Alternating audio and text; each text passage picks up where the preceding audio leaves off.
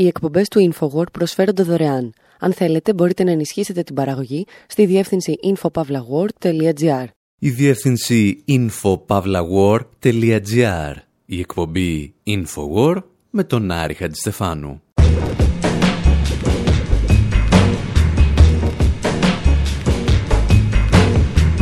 όπου σήμερα επιβεβαιώνουμε ότι υπάρχουν μόνο δύο βεβαιότητες στη ζωή. Ο θάνατος και η φόρη. Τρεις. Ο θάνατος, η φόρη και η προδοσία των Κούρδων από τις μεγάλες δυνάμεις.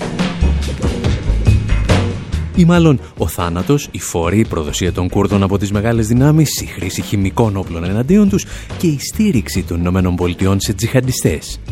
Πέντε και η Ισπανική Ιερά Εξέταση. Ακούμε ιστορίες για την προδοσία από τον Τσόρτσιλ και τον Λόρενς της Αραβίας και αναρωτιόμαστε εάν ο Ομπάμα και ο Τραμπ αντιγράφουν την πολιτική του Ρόναλντ Ρίγκαν στη Μέση Ανατολή. Για έναν αδιευκρίνιστο λόγο όμως θα ξεκινήσουμε το ταξίδι μας στη Μέση Ανατολή από την Ουγγαρία.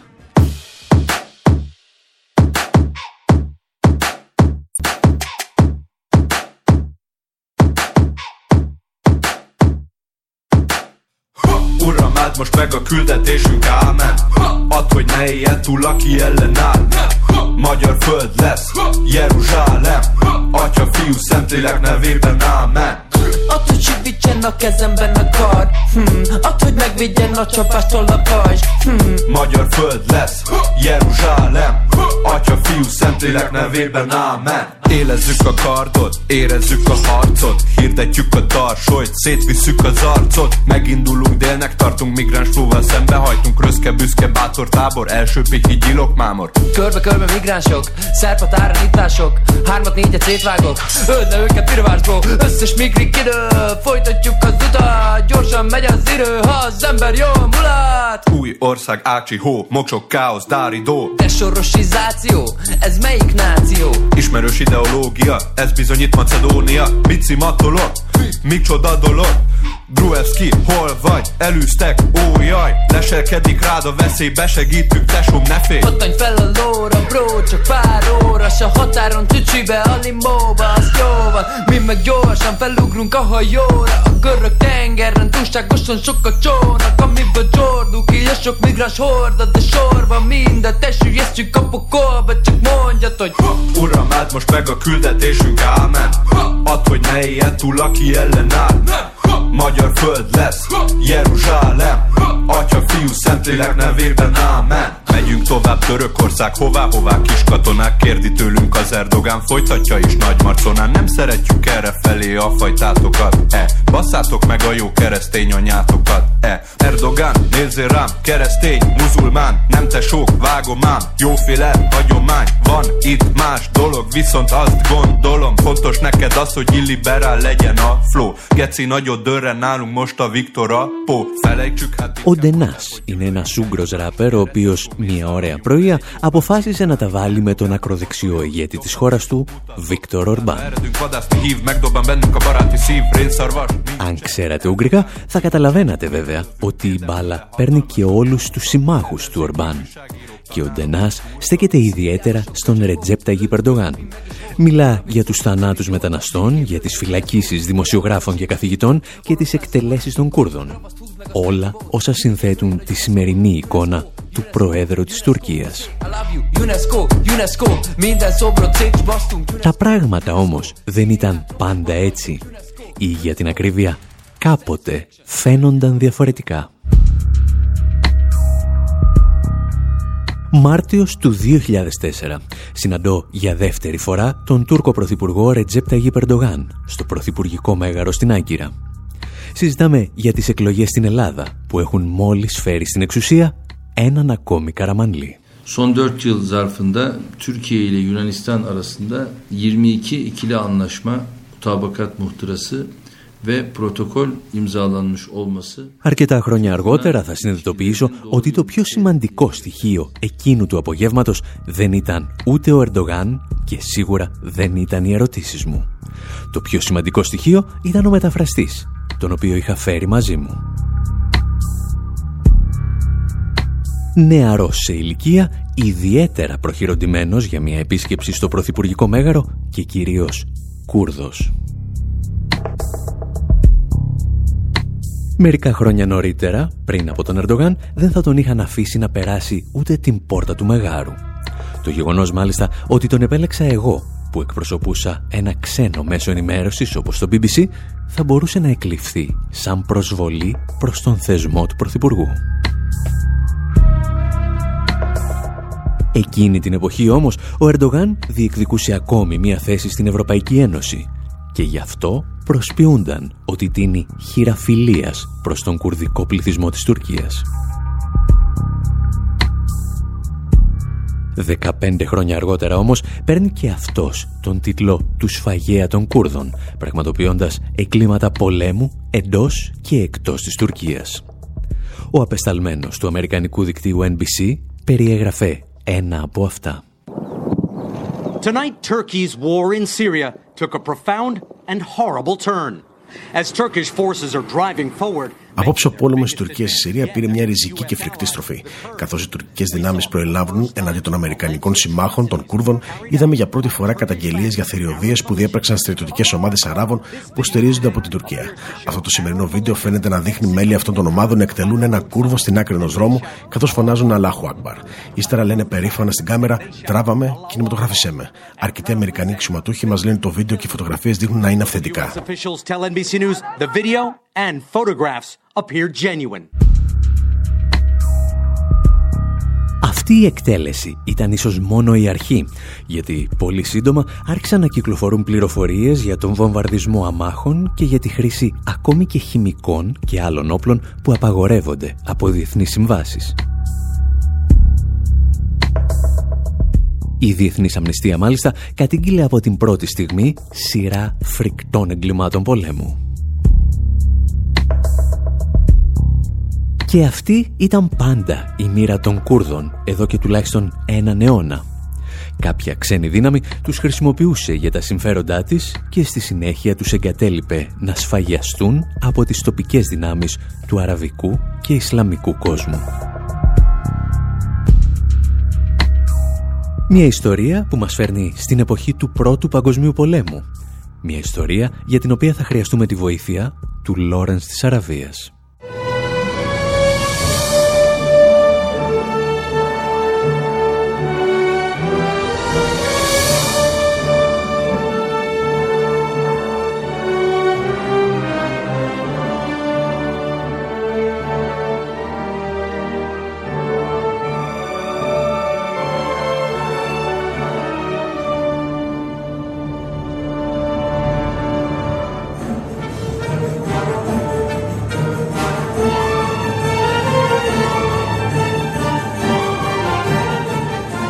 Η μουσική του Μωρίς Ζαρ, του πατέρα του Ζαν Μισελ Ζαρ, μας φέρνει πίσω στα 1962, στα γυρίσματα της ταινίας «Ο Λόρενς της Αραβίας».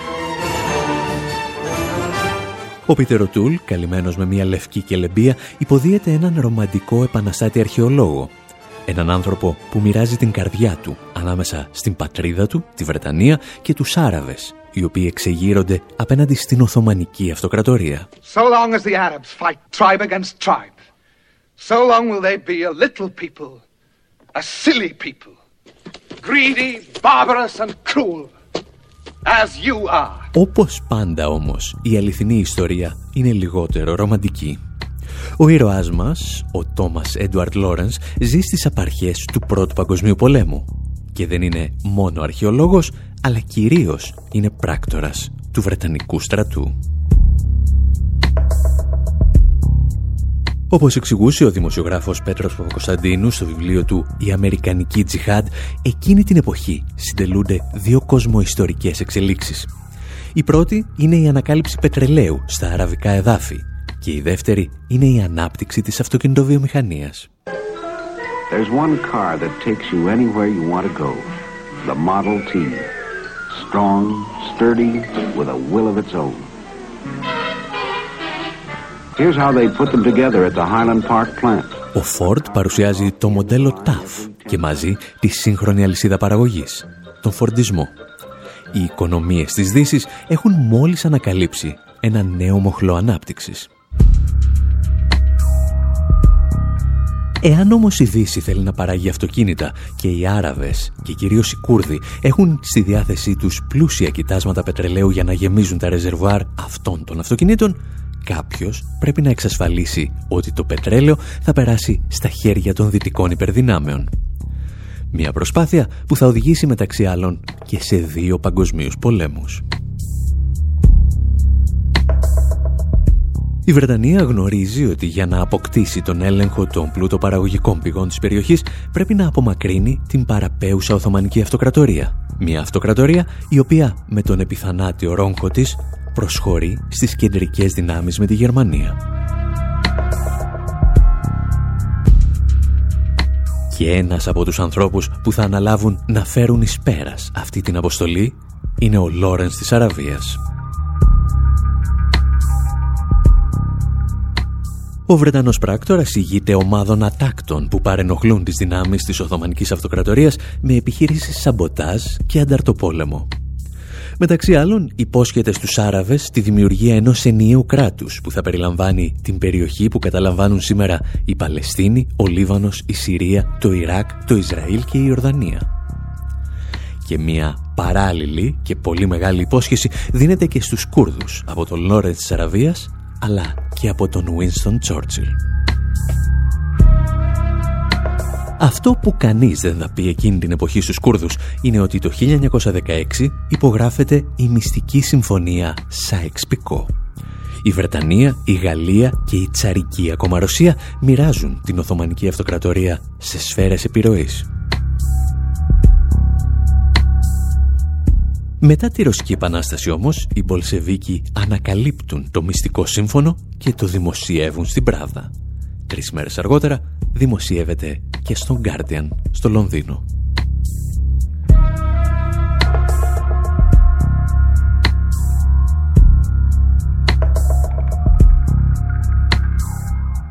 Οι μεγάλες δυνάμεις βέβαια θα συνεχίσουν να υπόσχονται ένα κράτος για τους Κούρδους και στη Συμφωνία των Σευρών θα το πάρουν όμως πίσω στη Συμφωνία της Λοζάνης για να ικανοποιήσουν μεταξύ άλλων τον Κεμάλα τα Τούρκ.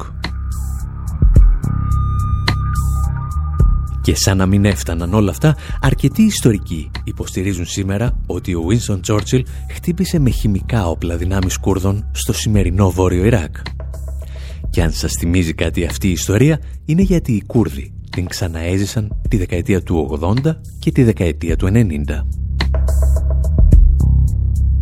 Αυτά όμως θα αφήσουμε να μας τα διηγηθεί πρώτα το συγκρότημα The Coop. Pushing Hussein to head, giving H-E-A-D head. Y'all motherfuckers heard what we said. Billions made and millions dead. Dead, Here we go. Dead, come on, dead, come on. Work it out. Set it up. Work it out. Set it up. Work it out. Set it up. Work it out. Set it up. Work it out. Set it up. Work it out. Set it up. Work it out. Set it up, work it up, Hussein together in bed. Giving H-E-A-D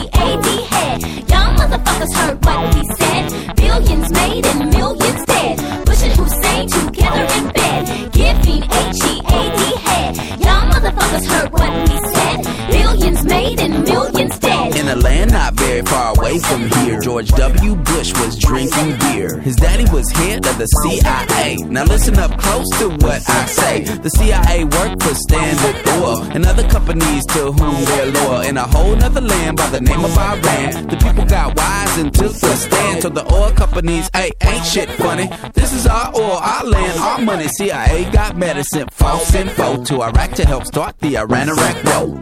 Pronounce war if I have to be proper. The CIA is the cops, that's why I hate the coppers. Saddam Hussein was their man out there. They told him to rule by keeping people scared, saying any opposition to him, he must crush it. He gassed the Kurds, they gave him the budget, said you gotta kick ass to protect our cash. Step out a lot and feel our wrath. You know the time without looking at the little hand. Time came for in the cut out the middleman. Children, man, with no legs and shit, cause a bomb's over. You know the outcast hit, and they really want you to hate him dead. When just the other day they made him head. War ain't about one land against the next. is poor people dying so the rich cash checks. Pushing Hussein together in bed, giving H-E-A-D head.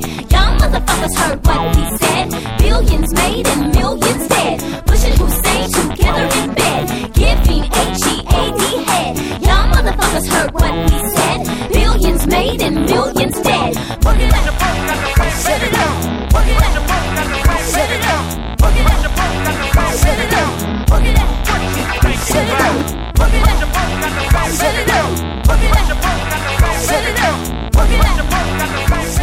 Αν το τραγουδάκι των Κου σας ακούγεται αστείο και απλουστευτικό, στην πραγματικότητα αποτελεί μια πλήρη γεωπολιτική ανάλυση για το ρόλο της οικογένειας Bush και της CIA στη Μέση Ανατολή.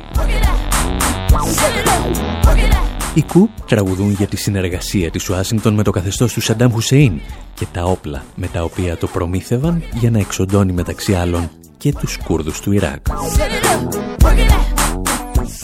Τι ιστορία όμως είναι λίγο πιο παλιά γιατί την ξεκίνησε ο Ρόναλτ Ρίγκαν.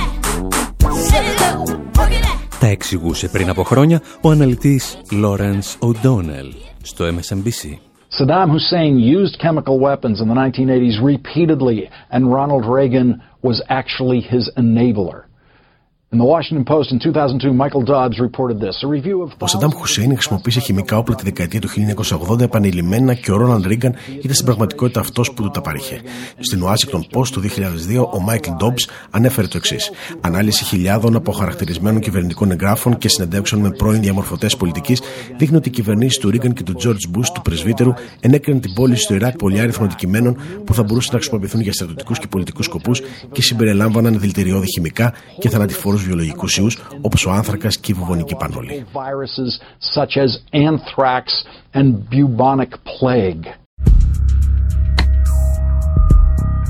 Φυσικά, ο λόγος για τον οποίο η Ουάσιγκτον εξόπλιζε τον Σαντάμ Χουσέιν ήταν για να πολεμά το Ιράν και την Ισλαμική Επανάσταση.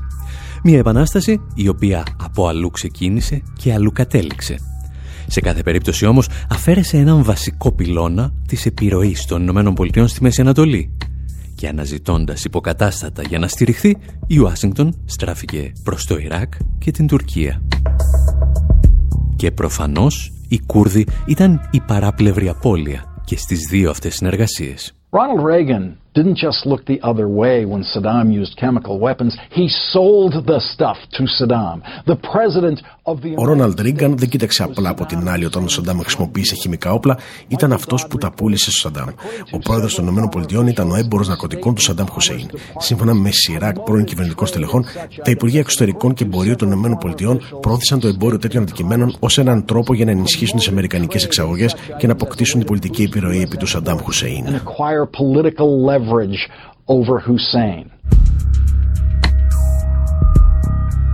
Ο Ρίγκαν θα προσφέρει λοιπόν τα χημικά και άλλα όπλα που θα χρησιμοποιήσει ο Σαντάμ Χουσέιν εναντίον και των Κούρδων τη δεκαετία του 80. Και τα ίδια όπλα θα χρησιμοποιήσει ο Σαντάμ και πάλι εναντίον των Κούρδων και μετά τον πρώτο πόλεμο του Περσικού κόλπου.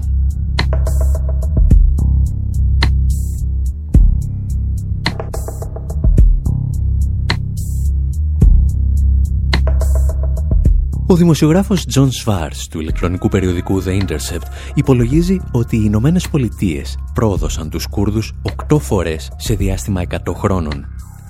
Και αν σας ενδιαφέρει, έχουμε μία περίληψη αυτού του κειμένου στη σελίδα μας info.pavlawar.gr Προς το παρόν πάντως, εσείς μένετε εδώ γιατί στο δεύτερο μέρος της εκπομπής θα εξετάσουμε τη δεύτερη βεβαιότητα της αμερικανικής εξωτερικής πολιτικής. Πως κάθε φορά που η Ουάσιγκτον τα βρίσκει σκούρα, καλεί τους τζιχαντιστές.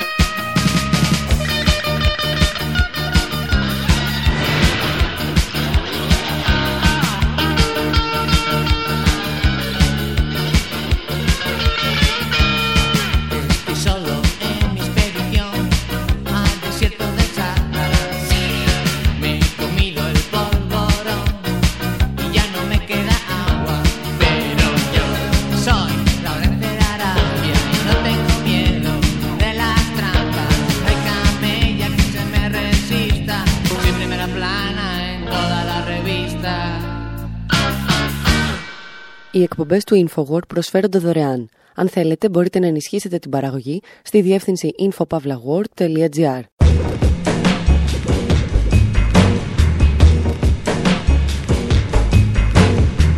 Εκπομπή Infowar, μέρος δεύτερο. Όπου σήμερα αναρωτιόμαστε αν οι επιτελείς του Πενταγώνου είναι ηλίθιοι ή απλώς είναι ελαφρώς άτυχοι όταν σκέφτονται. Κοιτάζουμε στο παρελθόν και συνειδητοποιούμε ότι δεν θυμόμαστε ούτε μία εξτρεμιστική οργάνωση Ισλαμιστών η οποία να μην δημιουργήθηκε ή να μην ενισχύθηκε από εμάς τους δυτικούς.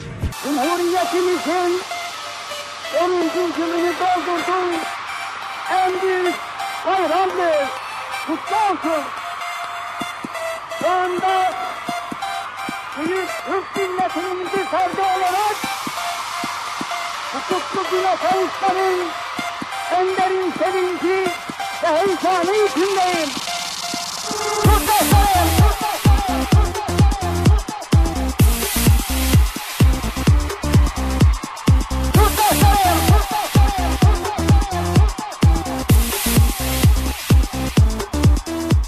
Ο ρήτορας που ακούτε είναι ο Μουσταφά και Τούρκ στη σημαντικότερη ομιλία της ζωής του, το περίφημο Νουτούκ.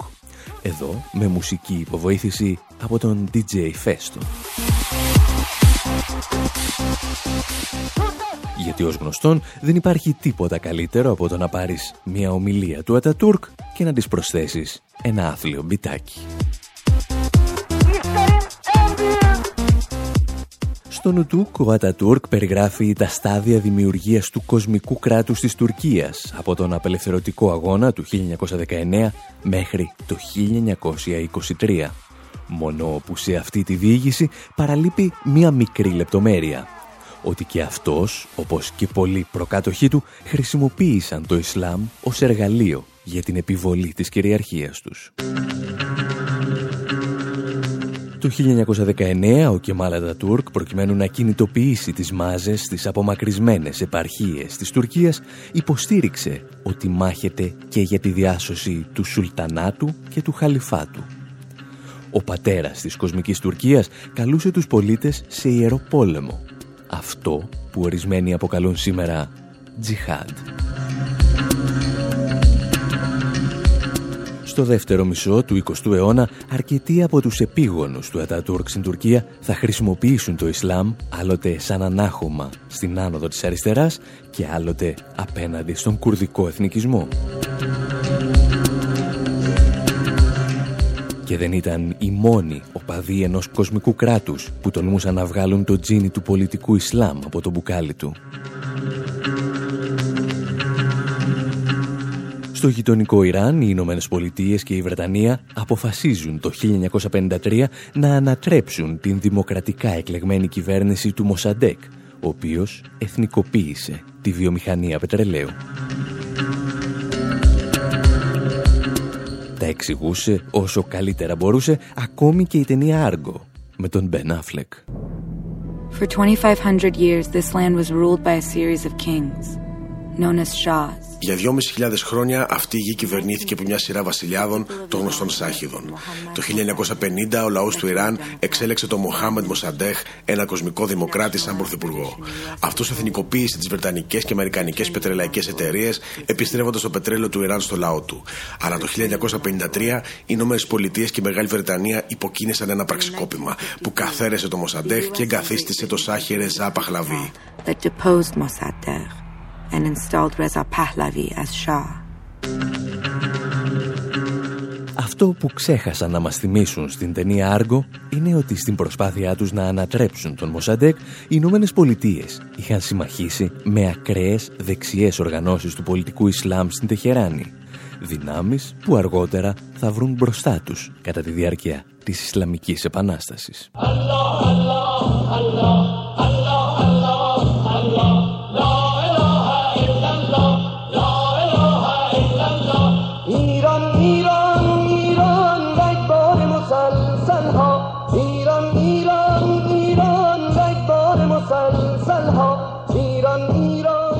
Πώς αντέδρασε η Ουάσιγκτον όταν οι Ισλαμιστές που είχε κάποτε υποστηρίξει την πέταξαν έξω από τη χώρα. Συμμάχισε με τη Σαουδική Αραβία, η οποία εκφράζει την πιο αντιδραστική εκδοχή του Ισλάμ σε ολόκληρο τον αραβικό και ισλαμικό κόσμο. Και τι έκανε το Ριάντ για τις Ηνωμένες Πολιτείες; Δημιούργησε το φαινόμενο Σάμα Μπιν Λάντεν στο Αφγανιστάν. Ιστορία που όπως θα θυμάστε είχαμε διηγηθεί μέσω της ταινίας «Παιχνίδια εξουσίας».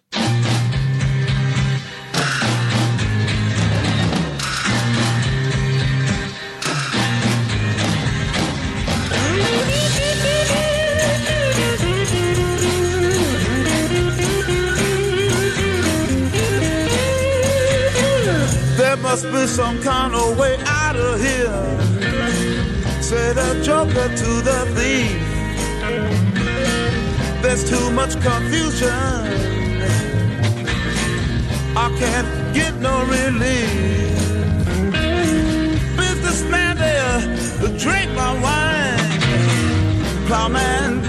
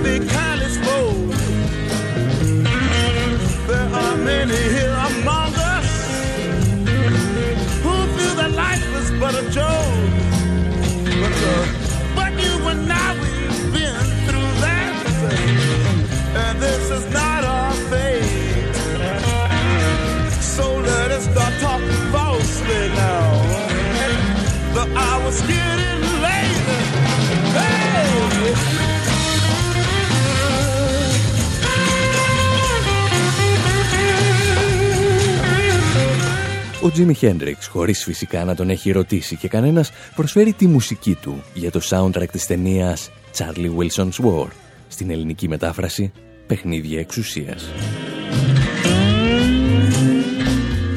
όπου Charlie Wilson ήταν ο δημοκρατικός γερουσιαστής από το Τέξας που ενορχίστρωσε μαζί με τη CIA την περίφημη επιχείρηση Κυκλώνας, τη μεγαλύτερη μυστική επιχείρηση στην ιστορία των Ηνωμένων Πολιτειών. Στόχος της επιχείρησης Κυκλώνας ήταν να εξοπλιστούν οι δυνάμεις των Μουτζαχεντίν στο Αφγανιστάν για να πολεμήσουν τη Σοβιετική εισβολή. Μια διαδικασία από την οποία, όπως πολύ καλά γνωρίζουμε, θα γεννηθούν αργότερα οι Ταλιμπάν και η Αλκάιντα του Οσάμα Μπιν Λάντεν.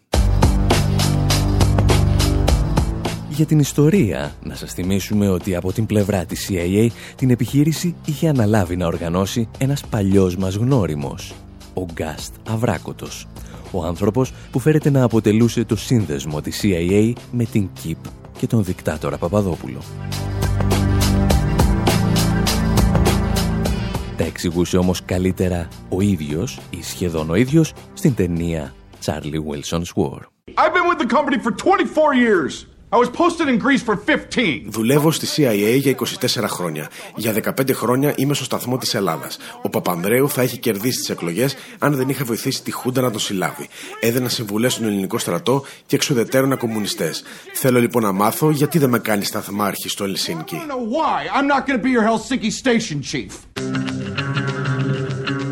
Το πορτοφόλι της επιχείρησης Κυκλώνα στο Αφγανιστάν ήταν, αν θυμάστε, η Σαουδική Αραβία και συγκεκριμένα ο πρίγκιπας Μπαντάρ, ο οποίος πάντα αναλαμβάνει τις πιο βρώμικες δουλειές του βασιλείου.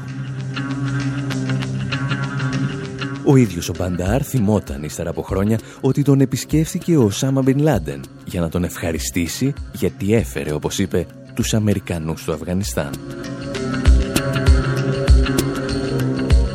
Και αν θυμάστε, ήταν ο ίδιος κύριος που αργότερα θα άρχιζε να εξοπλίζει και τους φανατικούς Ισλαμιστές στη Συρία, οι οποίοι θα εξελιχθούν στο σημερινό κράτος του Ισλάμ. Παρακολουθήσαμε ήδη τη CIA να χρηματοδοτεί δεξιούς εξτρεμιστές Ισλαμιστές στο Ιράν το 1953 και όταν αυτοί ήρθαν τελικά στην εξουσία, είδαμε την Ουάσιγκτον να αναζητά βοήθεια στο σκοταδιστικό βασίλειο της Σαουδικής Αραβίας. Και ύστερα, οι δύο τους δημιούργησαν το Ισλαμικό τέρας των Μουτζαχεντίν στο Αφγανιστάν, από όπου αργότερα θα ξεπηδήσουν οι Ταλιμπάν, ο Οσάμα Μπιν Λάντεν και η παρέα του.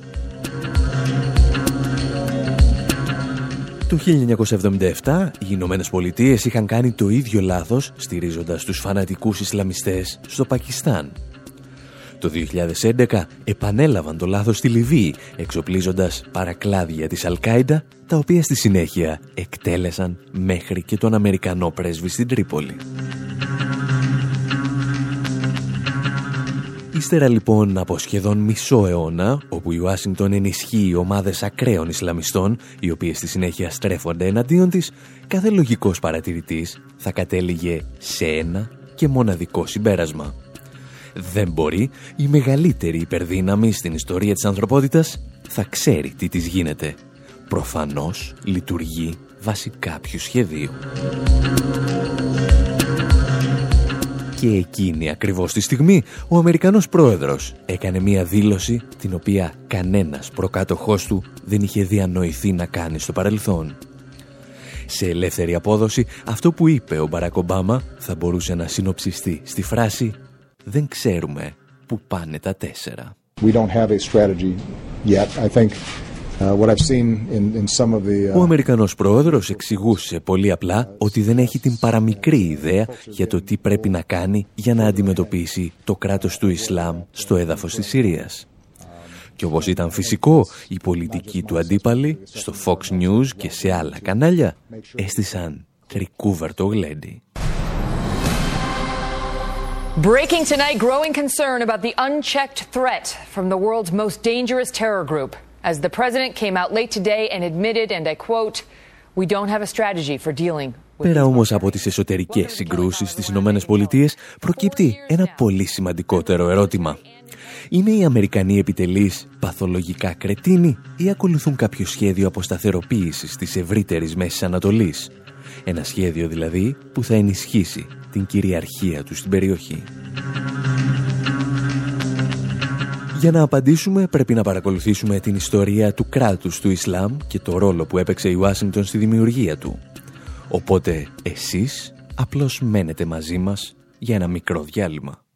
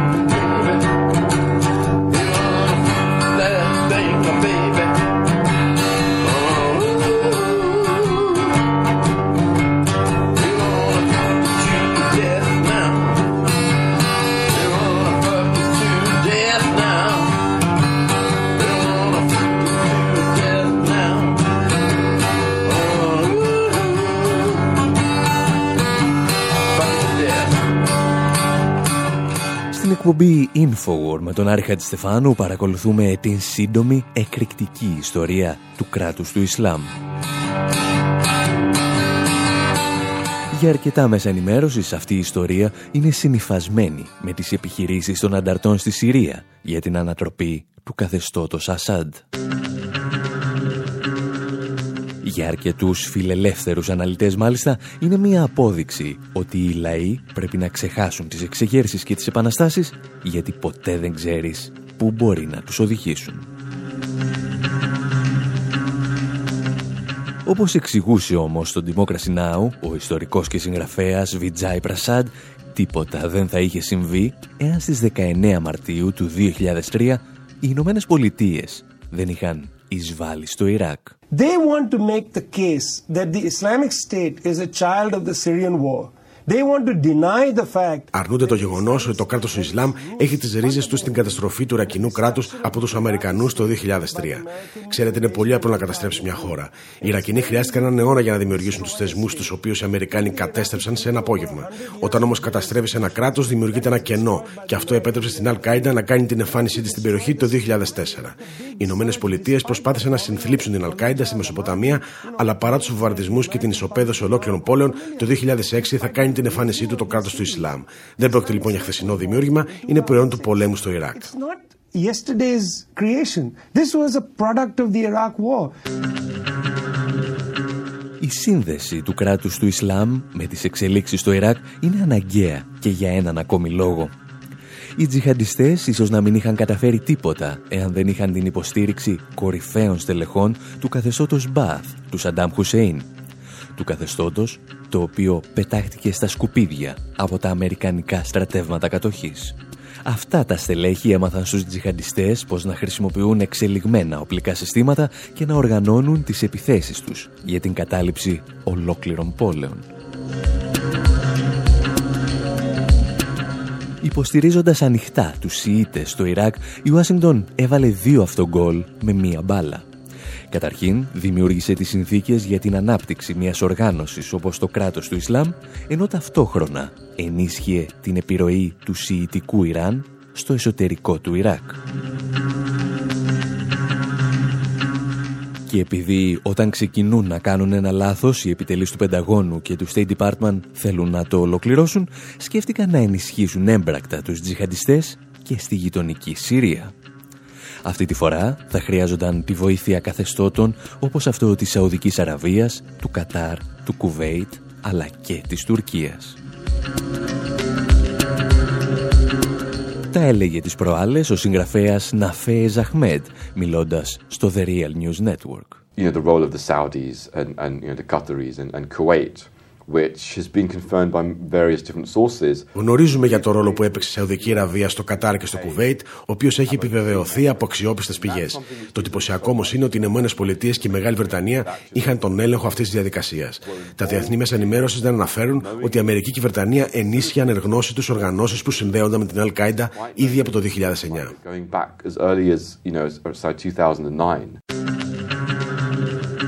Προκειμένου λοιπόν να ανατρέψουν το καθεστώς του Άσαντ στη Συρία, οι Ηνωμένες Πολιτείες ζητούν από χώρες σαν τη Σαουδική Αραβία να ενισχύσει τα πιο ακραία στοιχεία της Ισλαμικής αντιπολίτευσης.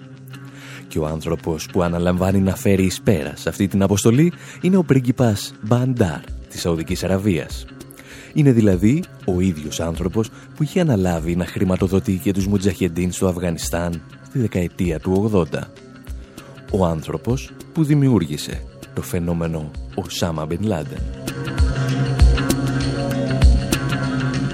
Και το ερώτημα είναι πλέον έτσι που τα έκαναν, ποιος μπορεί και ποιος θέλει να βοηθήσει τις Ηνωμένες Πολιτείες να αντιμετωπίσουν το τέρας που δημιούργησαν στη Μέση Ανατολή.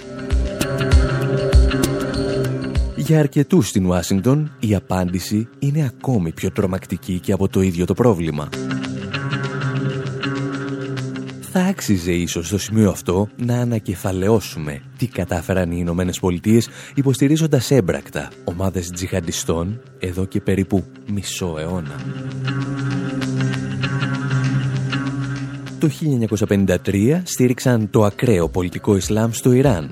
Όταν αυτό ήρθε στην εξουσία, συμμάχισαν με τον Ισλαμικό εξτρεμισμό της Σαουδικής Αραβίας και μαζί χρηματοδότησαν τους ακραίους Ισλαμιστές στο Αφγανιστάν, δημιουργώντας την Αλκάιντα και τον Οσάμα Μπιν Λάντεν. Όταν αυτός επιτέθηκε στις Ηνωμένες Πολιτείες, αυτές βομβάρδισαν το Ιράκ, επιτρέποντας τους φανατικούς Ισλαμιστές να εισέλθουν και στην χώρα του Σαντάμ Χουσέιν. Στη συνέχεια εξόπλισαν και χρηματοδότησαν τους συγκεκριμένους τζιχαντιστές εναντίον του Άσαντ στη Συρία με αποτέλεσμα να προκύψει το κράτος του Ισλάμ στη σημερινή του μορφή. Και αν εσείς καταφέρετε να εντοπίσετε μια ισχυρή δύναμη τζιχαντιστών που να μην έχει τη σφραγίδα των Ηνωμένων Πολιτειών, εδώ είμαστε να έρθετε να μας φτύσετε.